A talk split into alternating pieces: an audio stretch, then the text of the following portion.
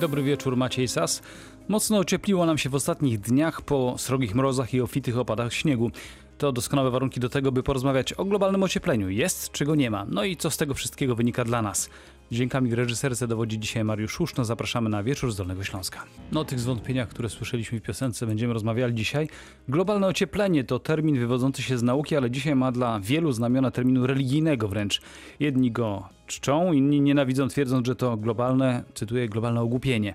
Spory toczą się nieustannie, chociaż oficjalni naukowcy nie mają żadnych wątpliwości. Globalne ocieplenie to fakt, a średnia temperatura na Ziemi jest o stopień wyższa niż przed wybuchem rewolucji przemysłowej. Słowem to my, ludzie, jesteśmy winowajcami. Jakie skutki może mieć globalne ocieplenie? Jak się to ma do ostatnich wyjątkowych mrozów, które nas nawiedziły? Jaki mamy wpływ na powstrzymanie go? Każdy z nas jako jednostka odpowiadająca za swoje czyny. O tym porozmawiamy z naszym dzisiejszym gościem, a jest nim pan profesor Krzysztof Mikała, kierownik Zakładu Klimatologii i Ochrony Atmosfery Uniwersytetu Wrocławskiego. Dobry wieczór. E, dobry wieczór. E, panie redaktorze, dobry wieczór wszystkim słuchaczom.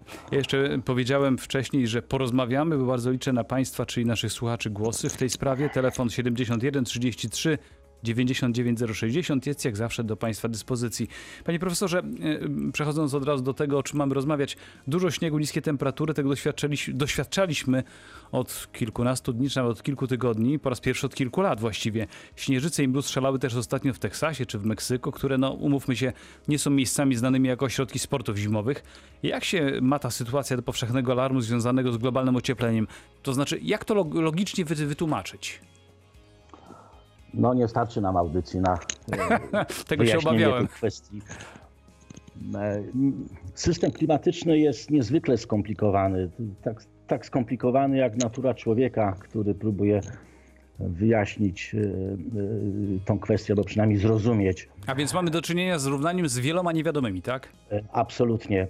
Ja bym, gdyby nie te kontrasty, które się wydarzyły ostatnie, ostatnie dni czy ostatnie tygodnie, to łatwo byłoby wytłumaczyć, e, posługując się taką definicją, która e, bardzo dobrze charakteryzuje klimat polski, położenie Polski w strefie klimatu umiarkowanego i taką definicję ukuł kiedyś znakomity fizyk atmosfery, nieżyjący profesor Teodor Kowcewicz.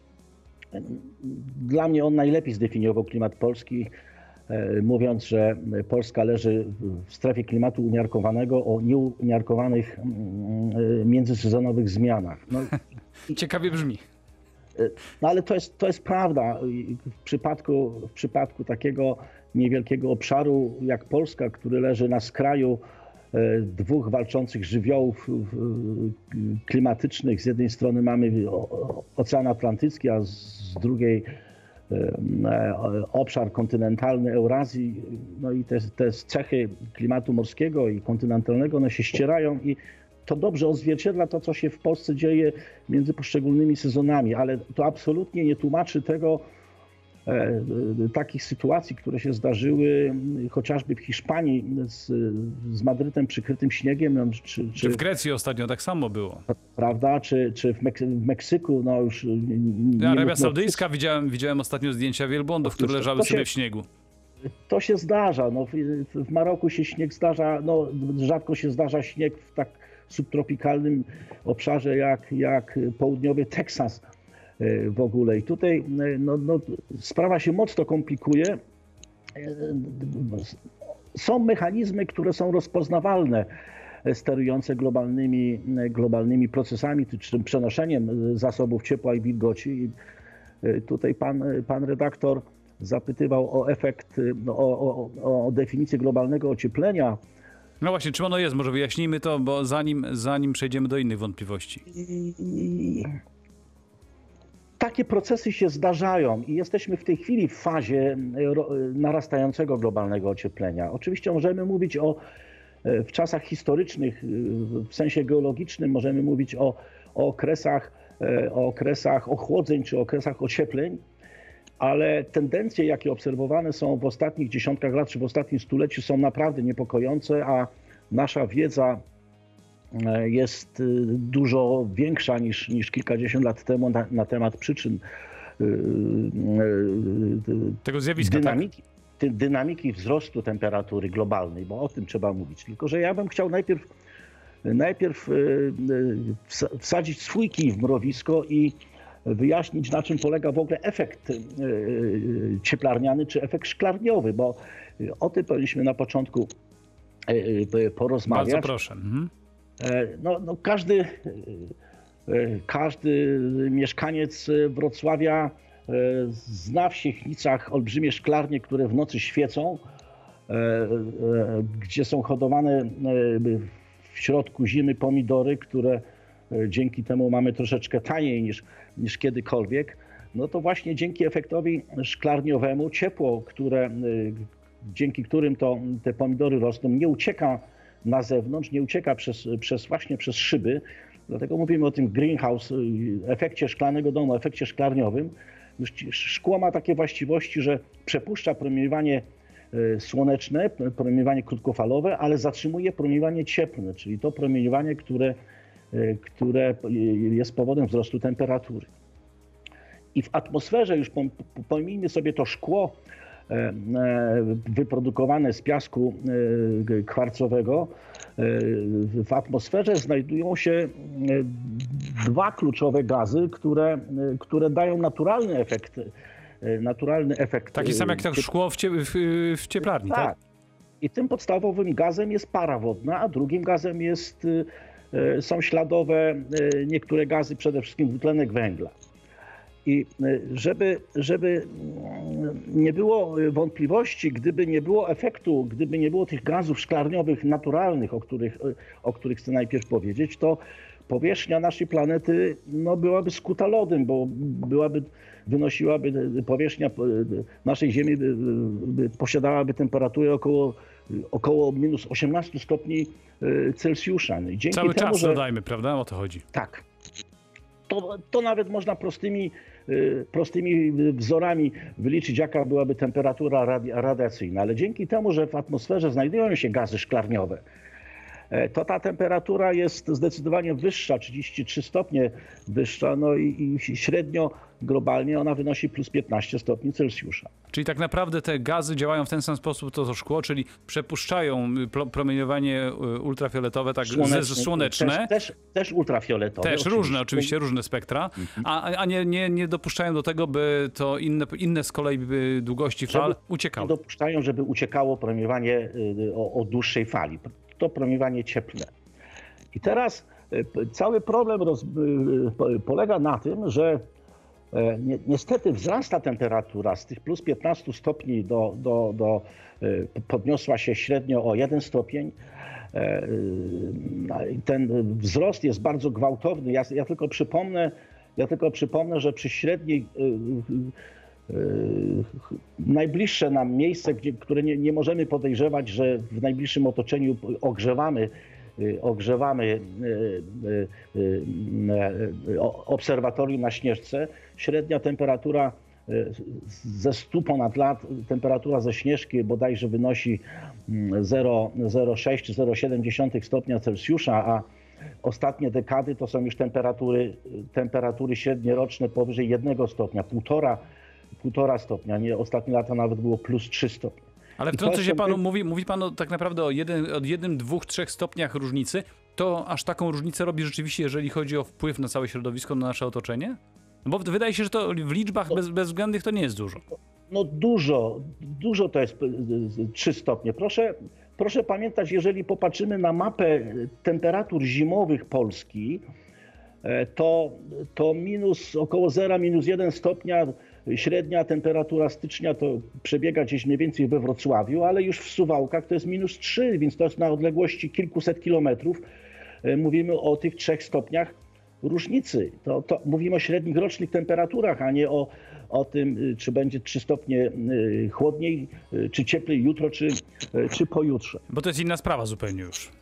Absolutnie. Panie profesorze, jeżeli mogę zapytać, bo powiedział pan, bo to jest to, bardzo ciekawe, to, o, tym, o tej średniej temperaturze na Śnieżce, ale czy są inne jakieś takie oznaki globalnego ocieplenia widoczne na Dolnym Śląsku? Bo zwykle to się mówi o podwyższeniu się poziomu oceanów, o, o, o topniejących lodach, a u nas? No, regionalnie to naj, najczytelniejsze jednak y, efekt e, obserwowany jest w Wysokogórskim Obserwatorium, miejscu odległym od, od bezpośredniego oddziaływania siedlisk ludzkich, e, wokół których, które się coraz bardziej powiększają.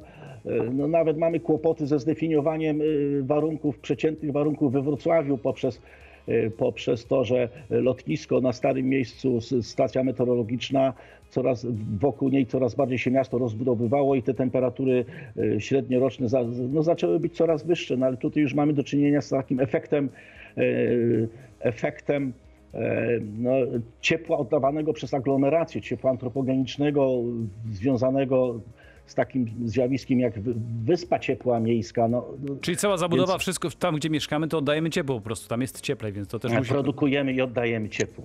Produkujemy, oddajemy ciepło. Oczywiście produkujemy z wiadomych, e, na, na, na, bazie wiadomych e, mediów. Zużywamy przede wszystkim e, kopaliny, węgiel, ropę naftową. Emitujemy do atmosfery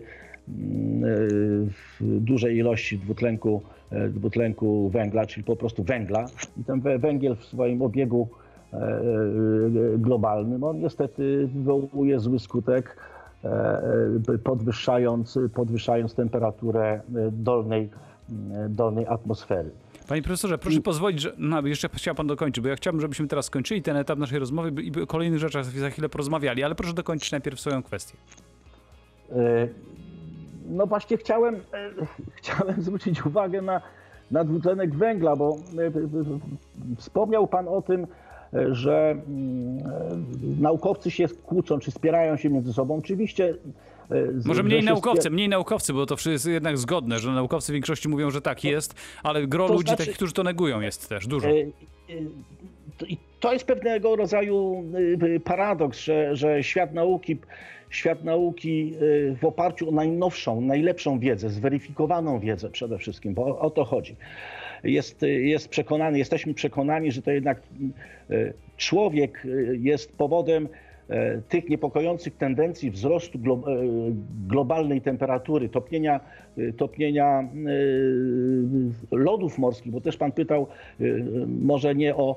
Aha, przypomniało mi się, bo, bo mówię o temperaturze na śnieżce jako o dowodzie, prawda, takim, no ale takim, takim dowodem namacalnym jest chociażby coraz krótsza zima, e, coraz mniej, e, coraz mniej śniegu w, w górach, to można łatwo e, przeliczyć czy, czy uruchomić naszą, naszą własną wyobraźnię, e, jak wyglądają pory roku, jak wygląda, jak wygląda chociażby e, miłe spędzanie czasu e, na, na stokach narciarskich, które się coraz bardziej komplikuje. No i tych, tych dowodów jest mnóstwo. My tak na, na co dzień może ich nie dostrzegamy. Dostrzegamy je wtedy, kiedy, kiedy jest albo za gorąco, albo za zimno. Y, Proszę pozwolić, że w tym momencie postawimy kropkę, zaraz wrócimy do sprawy, bo chciałem pana zapytać o to, czy rzeczywiście te czasy są tak wyjątkowe, bo przecież wiemy, że wcześniej już bywały też zlodowacenia i okresy cieplejsze, ale do tego wrócimy za mniej więcej 3 minuty. Na razie dajmy szansę Joe Cockerowi. W wieczorze z Dolnego Śląska rozmawiamy dzisiaj o tym, czym jest globalne ocieplenie, czy ono jest, czy go nie ma, w jaki sposób my ludzie właśnie na to wpływamy, a naszym gościem jest, przypomnę, pan profesor Krzysztof Migała, kierownik Zakładu Klimatologii i Ochrony Atmosfery Uniwersytetu Wrocławskiego. Y, Panie profesorze, rozmawialiśmy przed chwileczką o tym, czym jest to, to globalne ocieplenie i jakie są jego symptomy, chociażby na Dolnym Śląsku. Wspominał pan Śnieżkę, gdzie można te pomiary robić w sposób taki e, rzetelny. E, Ale wie pan co, chcę zapytać o taką rzecz. Czy to naprawdę wyjątkowy czas w dziejach e, naszych ludzkości pod względem średniej temperatury? Skoro w wiekach średnich rosły na Dolnym Śląsku brzoskwinie podobno, nie wydaje się to czasem wyjątkowym pod względem temperatury, ten czas, w którym my żyjemy.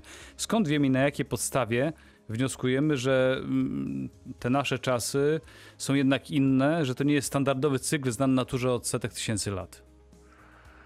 E, To jest pasjonujący temat w ogóle. E, Zmienność klimatyczna, chociażby w, takim wymiarze, e,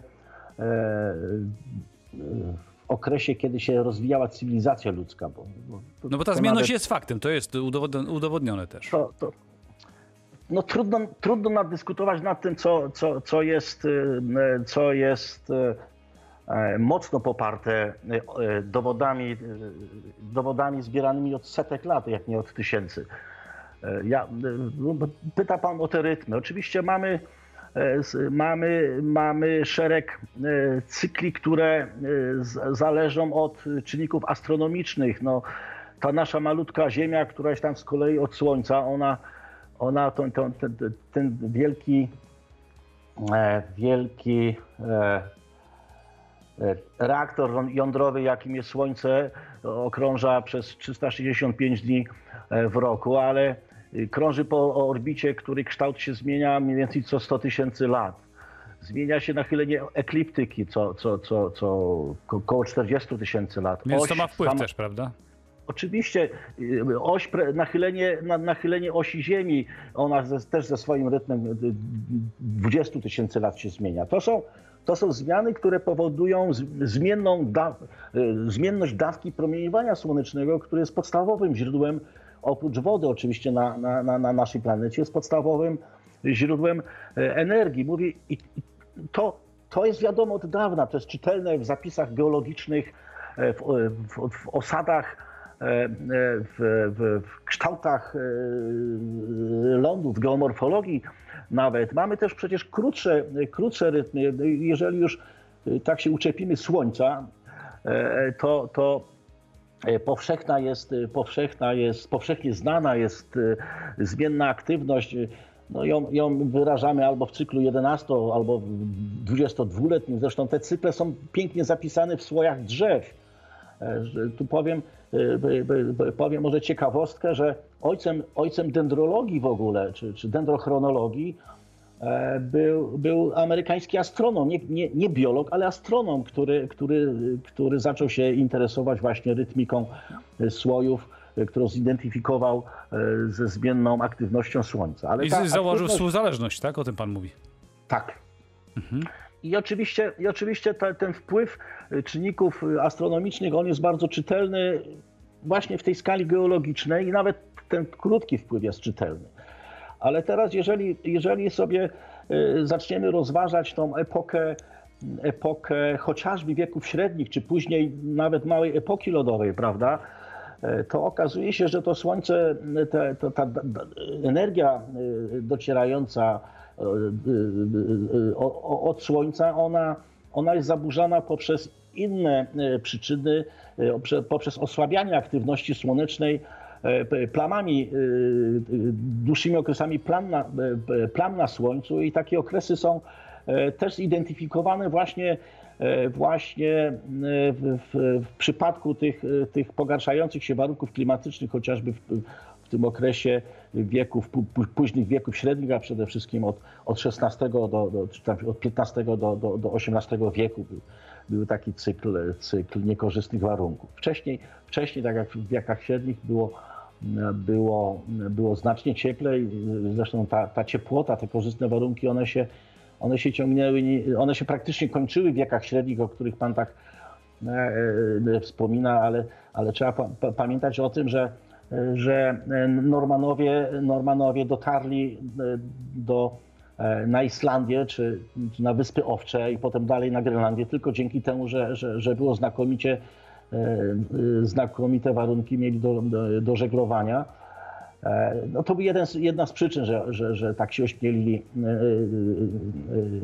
e, pływać po Atlantyku, ale w tym samym czasie po, znacznie pogorszyły się warunki e, w strefach subtropikalnych. W Ameryce Środkowej panowały długo, długotrwałe susze, więc, e, więc e, no, no, tak, się, tak się zdarzało. Należy szukać tutaj przyczyn astronomicznych. To było wtedy, a dzisiaj, jak rozumiem, to, to sugeruje pan, że to, to w, poza no tymi niestety- cyklami gwałtownie przyspieszyło. No niestety, no właśnie. I tutaj e, powodem naszej troski powinno być to, że to przyspieszenie, ta dynamika wzrostu temperatury e, jest dużo, dużo e, szybsza, dużo większa niż, niż, te, niż te obserwowane no chociażby kilkaset lat temu, już nie sięgajmy do, do, do bardzo e, o- obarczonych dużym błędem pomiarowym e, danych sprzed, sprzed dziesiątków czy, czy setek tysięcy lat, prawda, chociażby z, na podstawie badań rdzeni e, i, i, lodowych i izotopów węgla. No ale, ale nauka przynosi coraz, e, technologie nowoczesne przynoszą coraz większe e, coraz większe możliwości analityczne i, i, i tutaj naprawdę sporo wiemy. I, I niestety musimy zwrócić uwagę na to, że wpompowaliśmy i pompujemy do atmosfery po prostu dwutlenek węgla i to są ilości, to są ilości e, kilkadziesiąt razy większe niż cała emisja wulkanów w- w- dwutlenku węgla przez wulkany na świecie. I, niestety ta, ta, ta tendencja się utrzymuje. Tu nie, no nie możemy dyskutować z prostą fizyką, która, e, która, która jest wytłumaczalna i obliczalna i narzędziami, e, narzędziami racjonalnymi da się policzyć, e, co powoduje przyrost gazu cieplarnianego w atmosferze, a co powoduje jego ubytek. No i w tym przypadku też e, efekty tego, jeżeli pan powiedział, że przyrost e, tej ilości gazu cieplarnie, czy- czy gazów właściwie, bo różnych chyba, ale głównie dwutlenku węgla, e, to też ma określone konsekwencje, niby powszechnie znane, ale mm, te naj, naj, najgorsze, o których się mówi, no to właśnie to, ocieplenie się klimatu, a więc topniejące lody, tak? No ale też pustynnienie wielu terenów. No trzeba, to jest Tak na się początku pisze. Po, ja na początku powiedziałem, że system klimatyczny, zwłaszcza glo, globalny system klimatyczny, jest naprawdę skomplikowanym mechanizmem, bo jeżeli, jeżeli potrafimy wytłumaczyć, dlaczego dzisiaj we Wrocławiu świeciło słonko, a w, a w Kotlinie Kłodzkiej była mgła, no to, to są dość proste, e, dość proste zależności takim e, w zakresie meteorologii dynamicznej. Ale po, powiązanie tych wszystkich szczególików ze skalą e, globalną, z uwzględnieniem oddziaływania Setek różnych rzeczy. Setek różnych y, rzeczy, y, y, różnych elementów środowiska, procesów fizycznych, relacji pomiędzy atmosferą i, i, i- oceanem, pomiędzy lądem i, i oceanem, lądem i, i atmosferą. Więc to, to dlatego, gdybyśmy chcieli sz- szukać przyczyn, i znowu tu wrócę, wrócę do, do takiego ja nie wiem, czy nazwać, czy, czy korzystnego położenia Polski, ale chyba raczej korzystnego, bo, bo, bo e, jeśli chodzi o dostawę, e, dostawę wody mm, do, atmosfery, do, do, do systemów, e, do, do, do ekosystemów, czyli jeśli chodzi o bilans wody, to Polska leży właśnie na granicy takich dwóch światów. E, e, Mamy lata niedostatków deficytu w bilansie wodnym, ale też mamy lata z nadmiarem. No, tegoroczna zima, e, na tego, tegoroczna zima raczej nam przy- przyniosła e, in plus więcej, e, więcej wody niż ubiegłoroczna, która była bardzo sucha i, i, i na wiosnę zaczęliśmy odczuwać, odczuwać już brak wody w studniach, prawda? ale to, to położenie Polski powoduje, że no właśnie jesteśmy na skraju takich żywiołów i, i okazuje się, że Skandynawia, mimo, mimo że, mimo, że no kilka lat temu, y, nie pamiętam czy dwa, dwa czy trzy lata, ta- była olbrzymia susza z pożarami prawda, w Szwecji, to jednak s- obszar Skandynawii y, nie, nie narzeka na deficyt, na deficyt w, bilansie wodnym, tak jak ten deficyt narasta w, w Europie Południowej. No my jesteśmy na rozdrożu pomiędzy jedną strefą, strefą a drugą, ale, ale problemem jest woda. No i to jeszcze tu, tu, tu, tutaj z tą, z tą wodą jeszcze jest taki problem, że u nas słabo jest reten, retencjonowana y, i w sposób sztuczny, ale też naturalny, no bo tutaj bardzo często przy mowie o globalnym ociepleniu podkreśla się, że na przykład w Polsce wycinanie lasów, czy prostowanie rzek, czy parę innych rzeczy też sprzyja właśnie temu efektowi. No tak, szyb, szybko wylewamy wodę do, do Bałtyku po prostu. I I zupełnie, niestety zupełnie niepotrzebnie. Zupełnie niepotrzebnie. Aczkolwiek no to też jest skomplikowane, żeby zrozumieć system, e, czy ekosystem jak działa, to, to nie możemy zbudować sztucznego zbiornika i powiedzieć, o już sprawę załatwiliśmy, prawda? Tak to nie działa, tak. To, to, to, tak to nie działa, jest potrzebna wiedza bio, biologów, e, ekologów, żeby po, żeby po prostu e, w pewnej równowadze i w zgodzie, w zgodzie z, ze środowiskiem takie inwestycje prowadzić. No, no czasem się nie da. No, narasta konflikt deficytu wody w, Karkonoskim Parku Narodowym. E, U podnóża Karkonoszy e, mnóstwo turystów e, okre- zwłaszcza w okresie la, lata, w, ciągu którego coraz mniej wody taki karpacz, karpacz ma, ma, ogranicza tą wodę, no i skąd tą wodę brać, jak, jak natura jej nie daje po prostu. I, y, tu się robi kłopot. I takich, takich okresów, takich przypadków będzie coraz więcej, coraz częściej będą się zdarzać. No niestety to, to jest efekt, to, są, to jest jeden ze skutków właśnie globalnego, globalnych zmian klimatu, tak bym bezpiecznie powiedział. Ale jeszcze chciałbym Panie profesorze, wytłumaczyć... mam, mam, mam, tak na proszę powiedzieć i, i na tym zakończymy. na razie. Chciałem, chciałbym jeszcze wytłumaczyć, e, skąd się mogły wziąć takie anomalie właśnie typu, typu e, śnieg, w- śnieg w, w Teksasie czy, e, czy w Hiszpanii, bo, bo, bo to, to, to, jest pewna ciekawostka i pewien mechanizm, który należy zrozumieć, należy wiedzieć, że tak, takie mechanizmy globalne funkcjonują. No proszę go wyjaśnić. E, Jeżeli mamy czas oczywiście. Wie pan co, a może zróbmy tak. Teraz zrobimy krótką przerwę i wrócimy do tego za chwileczkę po kolejnej piosence. Pet Shop Boys wybrzmi i wtedy będziemy rozmawiali o tym, dobrze? Z miłą chęcią. 20.40 i globalne ocieplenie. O tym dzisiaj mówimy w wieczorze z Dolnego Śląska. A naszym gościem jest y, pan profesor Krzysztof Migała, kierownik Zakładu Klimatologii i Ochrony Atmosfery Uniwersytetu Wrocławskiego. Przed piosenką y, wspominał pan, że można wyjaśnić to te dziwne zjawiska w strefach, które nie są znane ze śniegu i ze sportów zimowych, czyli śnieg w Teksasie, śnieg w Meksyku, śnieg chociażby w, w Hiszpanii. Y, Jak to można wyjaśnić? To, to nie, nie zaprzecza to, jak rozumiem, globalnemu ociepleniu. No i susze, i susze latem na przykład, ale albo też susze hy- hydrologiczne zimowe, bo też takie się mogą zdarzyć. Ja może, ile mamy czasu, panie redaktorze? No to powiedzmy, że na, w tym mamy jakieś 7-8 minut w tej chwili. Okej.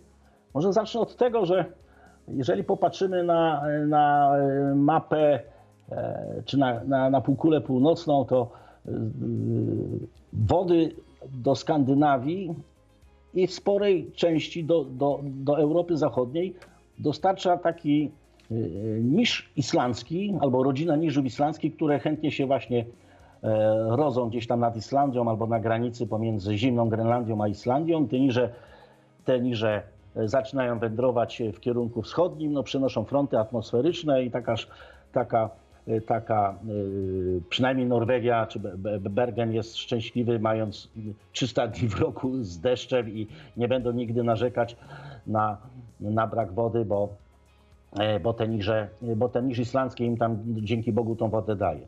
W okresie zimowym e, tak się zdarza, że te takie niże się tworzą na, e, na relatywnie ciepłym, nad relatywnie ciepłym morzem, morzem śródziemnym. E, I, i, i stąd zresztą e, jest to powodem, że też niże stamtąd wędrują nad, nad Polskę. I takie e, reguły rozpoznane wędrówki, wędrówki układów barycznych, które, e, które to niże nam dają deszcze, a wyże nam dają słoneczną pogodę, one są no powiedzmy rozpoznane, ale coś się zaburzyło. No jak wytłumaczyć, jak wytłumaczyć to, że nagle e, e, coś nielogicznego się dzieje, e, coś nielogicznego się dzieje, że, że, że Hiszpania czy, czy e, subtropikalny e, Teksas e, w środku zimy jest spowity e, śniegiem, tam może być co najwyżej, nie wiem, plus dwa stopnie, też jest chłodno. E, Otóż w naszej strefie na, na, na, granicy, e, na granicy takich dwóch żywiołów atmosferycznych, e, zimnych, e, polarnych mas powietrza i, i cieplejszych na południu od, od nas ma, mas tropikalnych, na, wysoko nad, na, na, na- nad nami, na wysokości powiedzmy kilkunastu kilometrów, generowany jest tak zwany prąd strumieniowy. e, z- a- a- a- Bardzo silny, prawda? tak, w angielskiej term, te- terminologii jetstream. E, Znają go oczywiście lotnicy, e, lotnicy samolotów latających na wysokościach tych, tych e, 10 ty- ty- tysięcy metrów. Ten prąd strumieniowy oczywiście on taką, to jest taka rzeka atmosferyczna, która, która z, dużą prędkością płynie z zachodu na wschód i ona opasa, ona opasa całą kulę, bo mamy dwa takie, takie prądy strumieniowe. Jeden mamy tu, e, mamy subtropikalny i mamy, te, i mamy ten polarny, który, który nas do, do, do, dotyka. I ten prąd strumieniowy generalnie opasa, opasa całą, e, całą półkulę i czasem, czasem kaprysi, czasem zaczyna się zaczyna, Skręcać? mean, zaczyna meandrować, tak bym to na- nazwał, zaczyna meandrować. A y, między innymi rola tego, tego prądu strumieniowego jest taka, że on troszeczkę, nawet nie troszeczkę, tylko on steruje, on steruje trajektoriami układów barycznych. E, Czyli tam, gdzie, tam, gdzie te, ten, y, czyli po ścieżce te, ty, tych prądów strumieniowych on, on wyznacza napływ mas powietrza i, i, i, wyznacza, i wyznacza trajektorię e, czy tor, tor wędrówki takiego jednego czy drugiego cyklonu. Zresztą e, w, angielskiej prognozie, jak się włączy te, telewizji BBC, to Anglicy nawet właśnie w, e, w, w, w takiej prognozie dla, dla, dla, dla ludzi telewizyjnej właśnie mówią o tym jetstreamie, o tym prądzie strumieniowym. U nas się o tym, o tym, o tym nie mówi. No w ogóle nie słychać że- tego, właśnie, to ciekawe. E, I, I ten prąd strumieniowy właśnie czasem tak kaprysi, że jego odnoga, taki meander, on gdzieś tam sobie pójdzie na południe i zmienia, jest w stanie zmienić cyrkulację y, powietrza na, na, no ja nie mówię, że na całej półkuli, ale powiedzmy nad, nad sporą częścią Atlantyku i, i, i zachodnią Europą.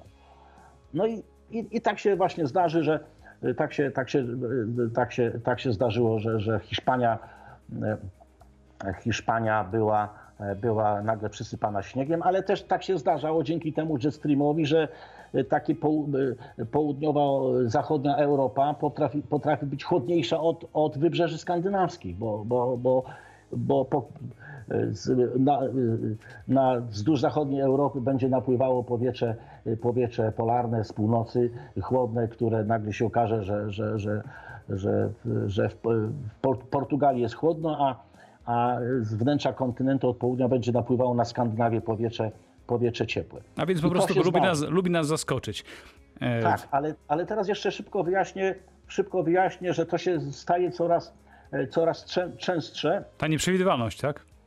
E, e, Tak, to, to, ta, ta, ta, meandrowatość, to, to właśnie zachowanie takie, e, zachowanie tego prądu strumieniowego. Otóż wskutek, wskutek tego, że się jednak skurczy powierzchnia, powierzchnia lodów morskich w, w, w Oceanie Arktycznym, a musimy sobie uzmysłowić, że Ocean Arktyczny czyli coś, co y, y, mo- morze, które przez sporą część roku jest przykryte lodem, czyli ten cały obszar akwen pomiędzy y, brzegami Ameryki Północnej a, a, a brzegami e, Eurazji z, furtką na południe poprzez Islandię, że on jest, to jest obszar wielkości Antarktydy, to jest kilkanaście milionów kilometrów kwadratowych.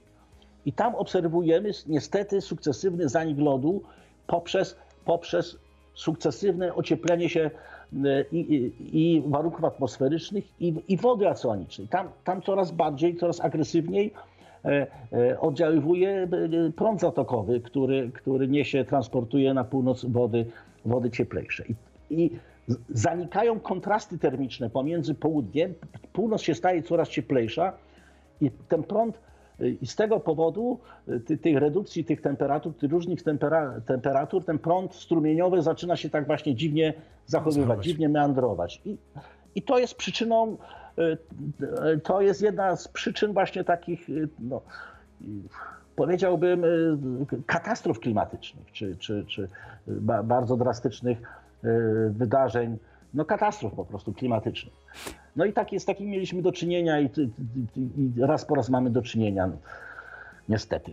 Panie profesorze, mam jeszcze prośbę. Za chwileczkę postawimy kropkę, ale chciałbym, żebyśmy jeszcze na koniec wrócili naszej rozmowy do tego, czy rzeczywiście, czy i co my, taki zwykły człowiek jak pan, ja, nasi słuchacze, są w stanie zrobić, żeby, to, żeby na to wpłynąć. Czy rzeczywiście są w stanie coś zrobić?